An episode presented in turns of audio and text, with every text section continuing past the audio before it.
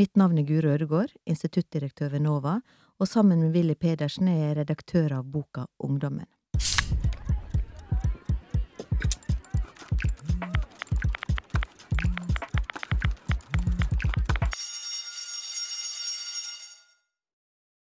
Foreldres inntekt og utdanning har stor betydning for hvordan det går med ungdom gjennom livet.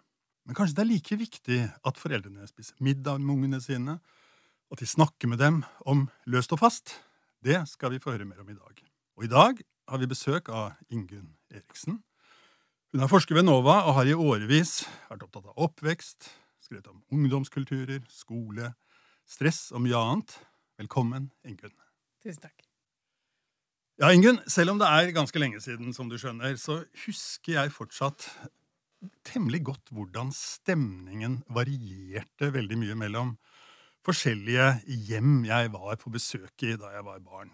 Vi stakk da jeg bodde ofte innom hverandre. Noen ganger så ble vi invitert til middag og sånne ting. Og noen steder likte jeg meg ikke noe særlig godt. Kanskje var det fordi de luktet rart, har jeg tenkt etterpå. Kanskje spiste de merkelig mat. Men i ettertid så tror jeg kanskje det kan ha handlet om noe mer. Noen foreldre likte nemlig å snakke med oss. Jeg husker det. Eh, de var interessert i å diskutere ting, kanskje spille spill med oss. Andre bare overså oss, tror jeg. Uh, Ingunn, dere har jo belyst relasjoner og emosjoner i familiene uh, dere har snakket med, og uh, kanskje fornemmet jeg sånne stemninger som barn? Altså at dette hadde med relasjoner, emosjoner i familien å gjøre. Dere viser at dette kan ha ganske stor betydning for ungdommene. Hva er det vi snakker om da, egentlig? Ja, det er jo et interessant minne. Jeg tror mange har litt sånn lignende minner fra sin barndom. Jeg tenker Akkurat det eksempelet du sier nå, det er jo litt sånn sammenvikla. Hvis det lukter vondt Det kan jo være at det var en shabby leilighet ikke sant? hvor det handler mer om økonomisk kapital enn noe annet. Men det at de liksom lukter rart, kan også handle om at de lagde pakistansk mat, eller ikke sant? mat du da kanskje ikke var vant til. Så det kan jo handle om helt sånn kulturelle ting. Men det kan jo også hende at det var noe mer noen ganger, og at det du plukka opp, var det derre relasjonelle som du snakker om. Og det tenker jeg at det er jo litt uavhengig av om kulturell og økonomisk kapital er på plass. Jo, Jeg har jo veldig lignende minner sjøl, hvor det var mye av både det ene og det andre, men hvor det jeg la merke til, var akkurat det du peker på, at det var lite kontakt, eller eventuelt litt sånn kjip stemning mellom barna og foreldrene. Nettopp. Eh, jeg tror sikkert det hadde noe med sånt å gjøre. Og i ehm, forskningen deres er dere jo opptatt av dette, hvordan disse emosjonelle ressursene som foregår i familien, er viktig. Vi skal komme tilbake til at Dere har kanskje et litt annet perspektiv enn det mange sosiologer har hatt. Et litt bredere, litt dypere perspektiv. Men et annet nøkkelbegrep hos dere er begrepet selvprosjekter. Altså ungdommenes egne selvprosjekter. Og det handler sånn som jeg forstår det, både om hvordan ungdommene beskriver seg selv, men også om hvordan de foreslår at, at fremtiden deres skal bli. Kan du prøve å si litt om det også? Ja, altså det er jo, det er jo frem, Fremtidsprosjekter handler jo mye om hvor man står her og nå. ikke sant? Og vi tenker jo at det der med hvordan man er nå, handler om hvordan man har det, og hvordan man legger seg selv fram. ikke sant? Hvor mye selvtillit, og hvor positiv, og alt det der. Men det der med fremtidsprosjekter, det har jo veldig mange ungdomsforskere vært veldig opptatt av. Fordi det sier jo veldig mye om hvor en skal i livet, og man kan få en liksom sneak peek inn i framtida. Men samtidig så betyr det jo ikke at de nødvendigvis skal gå den veien. Så det mange, og i hvert fall jeg er veldig opptatt av, er at den måten man forteller om seg selv i framtida, former en. Ikke sant? At hvis man forteller om seg selv hele tiden at 'jeg skal vekk herfra', eller 'jeg skal bli astronaut', så gjør det jo noe med de valgene man tar. Eh, ikke at det nødvendigvis er deterministisk, men at det, har veldig mye å si for hvordan man, man, eh, man eh, former livet sitt. da. Altså, dette er jo veldig interessant, fordi det faller jo inn i en tradisjon som man gjerne da, i dag kaller liksom narrativ sosiologi. altså hvor, Hvordan disse fortellingene 'Stories we live by' var det en uh, bok jeg leste for noen år siden som jeg husker pekte på akkurat dette er sånn. Så de fortellingene du tidlig erverver deg, og de sånn som jeg forstår det, har de da også en sammenheng med den familien du kommer fra. Og hvordan da de ressursene som er i denne familien, kan bidra til å kanskje bremse eller eh, utvide, styrke disse fortellingene. Og noen, eh, alle de som har studert sosiologi i Norge de senere år, de har jo støtt på Pierre Bourdieu, den kanskje aller mest siterte sosiologen. Og hans begreper økonomisk og kulturell kapital går jo igjen nesten i det kjedsommelige i alle mulige studier. Eh, men eh, og, og det er ingen tvil om at eh, disse ressursene i familien har veldig stor betydning for f.eks. om her i Oslo, om du kommer til å ta, eh, komme deg inn på en videregående skole, om du kommer til å få eh, karakterer nok til å komme på de skolene som er størst drift om å komme inn.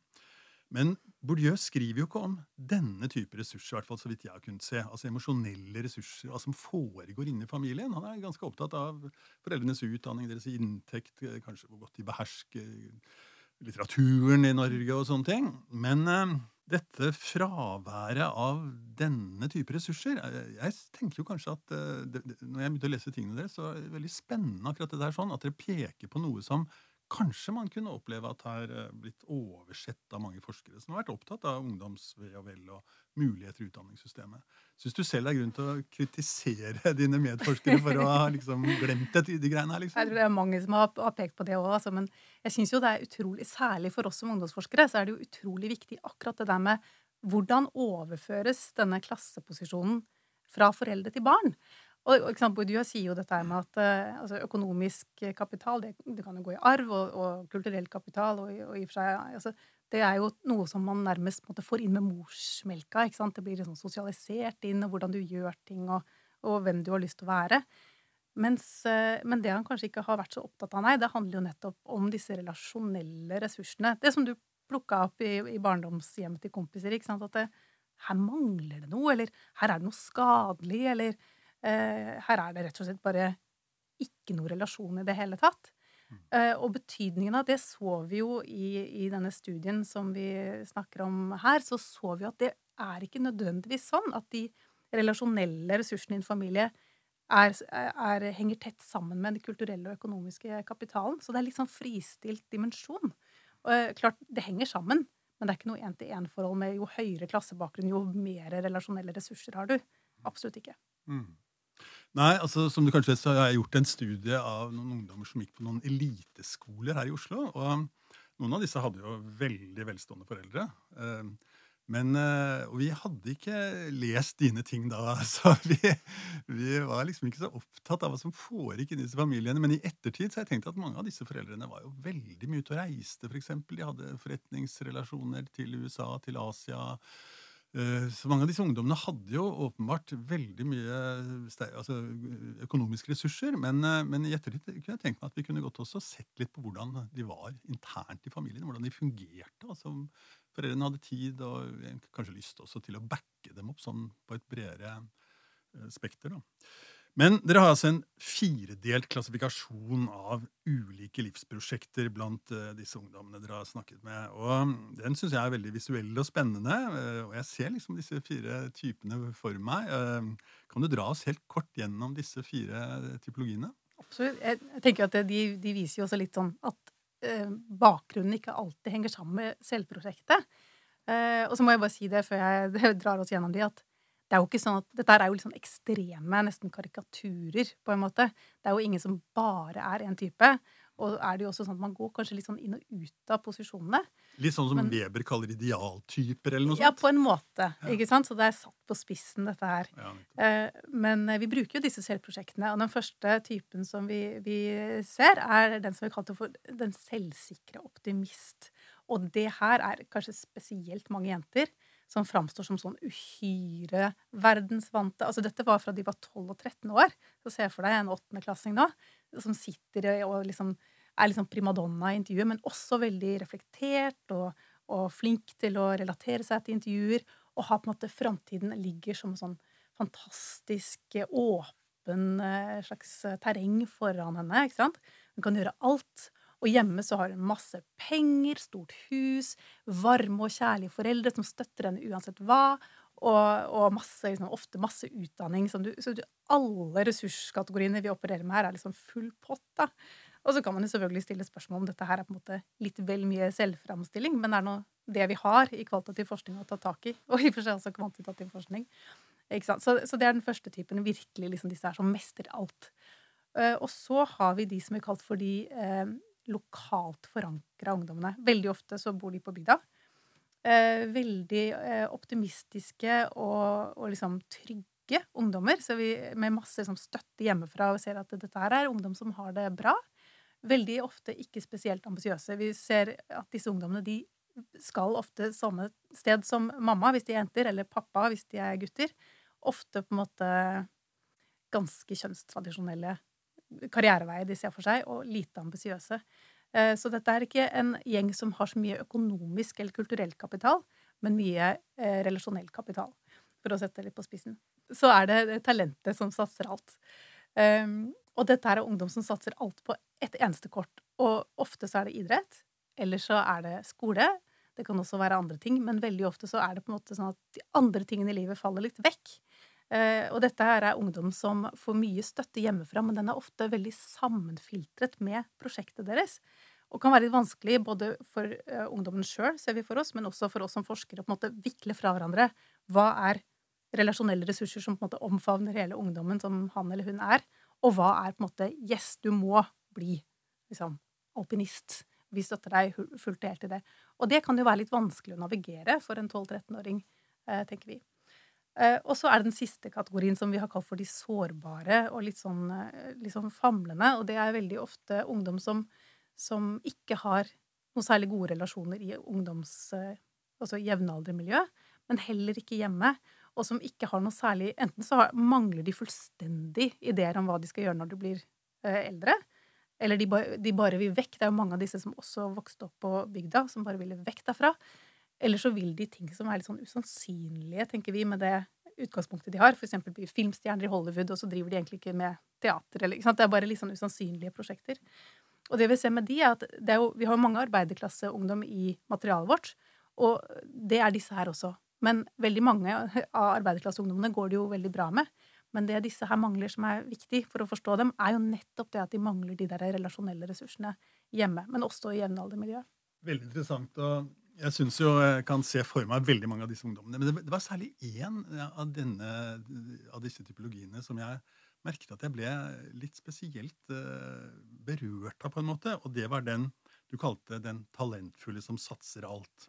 Altså Jeg har som du vet, vært eh, lærer på universitetet i veldig mange år, og jeg syns jeg har hatt ganske mange av de studentene hos meg, egentlig. Altså folk som har da vært ganske flinke på skolen, eh, som, men som kanskje har forventninger til hva de skal klare, som strekker seg De har vært ganske gode på skole, si, klassen i barneskolen og videregående skole. På universitetet så blir det tøffere konkurranse, og de strekker ikke helt til til uh, altså, de hadde håpet å få bare A, liksom, men så går det ikke helt sånn. Og så blir det vanskeligheter. Så eh, kan du si litt mer om akkurat dette, den, dette prosjektet? Altså, mm. du, har, eh, du satser alt på ett eller veldig få kort. Ja. Er, har jeg rett i at dette er en litt sånn sårbar posisjon, det også? Ja, altså vi, vi tenkte jo på den eh, typen som litt sånn risikabelt prosjekt på flere måter. Det er jo åpenbart et veldig smalt prosjekt, og hvis ikke det går, hva skal du da falle tilbake på? Det er jo en åpenbar risiko som, som jeg tenker at blir tydelig når de som 12-13-åringer, og så har vi jo da intervjua dem to ganger etterpå, ikke sant? både da de gikk i 9. og 10., så ser vi at eh, det står og faller litt på at det prosjektet går. Eh, og det har gått greit med dem så langt, men det blir jo spennende å, fortsette å følge dem videre. Men det andre som jeg tenker er litt risikabelt, er jo det som jeg var inne på i stad. Det der med Er foreldrene mines kjærlighet til meg betinget av at jeg får til dette her? Og det er jo et veldig sånn eh, invaderende spørsmål å stille et datamateriale, så vi skal være litt forsiktige med det. Men jeg tenker det er veldig interessant, mer som sånn teoretisk spørsmål, om, om det kan bli vanskelig for noen av disse ungdommene å skille, mm. uh, skille de to tingene. Men en, en, annen ting som slo meg nå når du stilte meg det spørsmålet, er jo at vi har jo også skrevet sammen om stress, stress og press. ikke sant? Mm. At, og det jeg også har skrevet om tidligere, har vært litt sånn en det virker som det er en intensivering i, kulturen, i ungdomskulturen nå som, som virkelig liksom nører opp under den type prosjekter. Det der med, og kanskje særlig akademisk, da, eh, om at bare, hvis du bare har det grit, liksom stå-på-vilje, så, så, bare klarer du det uansett.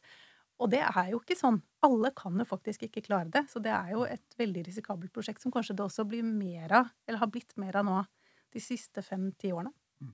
Altså, Jeg tror kanskje også det har blitt mer av det nå under pandemien. altså fordi eh, Jeg har jo hatt undervisning og sett folk, eh, ungdommer, sitte på Zoom, eh, og stadig flere tar bort bildene, altså kameraet av seg selv. Og får en følelse av at mange av dem da har strevet ved at de mangler de andre relasjonene, mangler de andre interessene, som gjør at dette prosjektet blir så ekstremt viktig. Så jeg, jeg håper virkelig at vi nå, når vi for første semester på lang tid får vanlig undervisning igjen, at vi klarer å fange opp disse som da kanskje har satset veldig mye, og så gikk det ikke så bra til eksamen, og så var det ikke så mange andre medstudenter rundt og snakke med om disse tingene og sånt. Ja, det er Veldig interessant at du skulle si det, fordi vi har jo akkurat nå skrevet en artikkel hvor vi følger opp disse typene våre for å se hvordan det gikk med de ulike typene under korona. Ja. vi ser jo at den her optimistiske, liksom spesielt jenter, da, som vi snakka om i stad, de har jo ofte klart seg veldig bra og satser. Endelig så kan de på en måte De hadde jo så fulle liv tidligere med masse fritidsinteresser, masse venner og masse skole, og skulle balansere Typisk de der litt sånn stressa jentene, mm. som nå endelig under korona fikk bare ta vekk alt. Ikke noe fear of missing out i det hele tatt. Bare fokus på skole uten dårlig samvittighet. Og de, de trivdes jo veldig med det. Men så har du jo de andre kategoriene som gikk i helt andre retninger, og kanskje særlig de sårbare, men også til dels eh, potensielt de talentfulle ungdommene, som kunne streve litt, eh, litt mer, da. Ok, eh, Kjempespennende alt dette, Ingunn. Bare helt til slutt, eh, Noe av det spesielle med studiet deres er jo kanskje dette med at dere har gått inn i stedets betydning. Altså i betydningen av geografisk, eh, sosialt sted, områder med mye utdanning, høy inntekt, og områder på landsbygda med mye primærnæringer osv. Og, og det er vi jo ofte opptatt av i Norge. Altså at vi er et, og det er jo i valgkampen hele tiden. Ta, bruk, ta Norge, hele Norge i bruk og sånne mm -hmm. ting. Så kan du helt til slutt dra oss litt gjennom stedets betydning i Norge helt sånn ultrakort? Hva, hva betyr stedet du vokser opp? Vi, vi, valgte jo ekstremt forskjellige, fire ulike steder her i, i denne studien som heter Ungdom i endring. Og vi ser at det har veldig mye å si. Og veldig mange av disse for rotfaste ungdommene vi snakker om, det var jo bygdeungdom.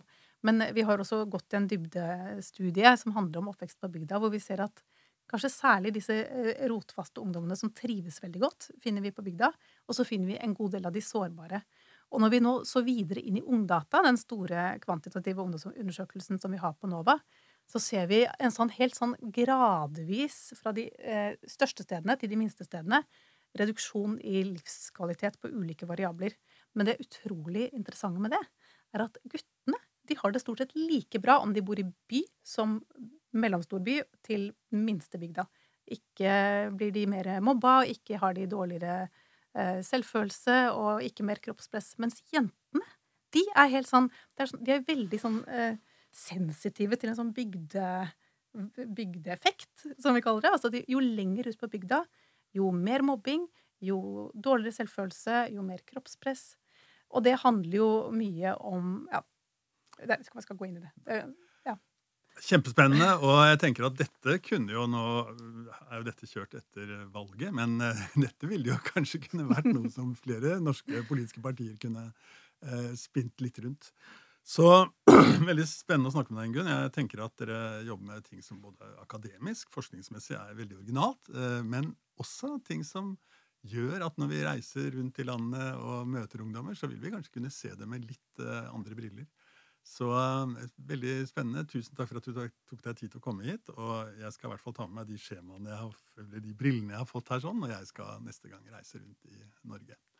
Takk for at du stilte, Ingunn. Tusen takk for meg.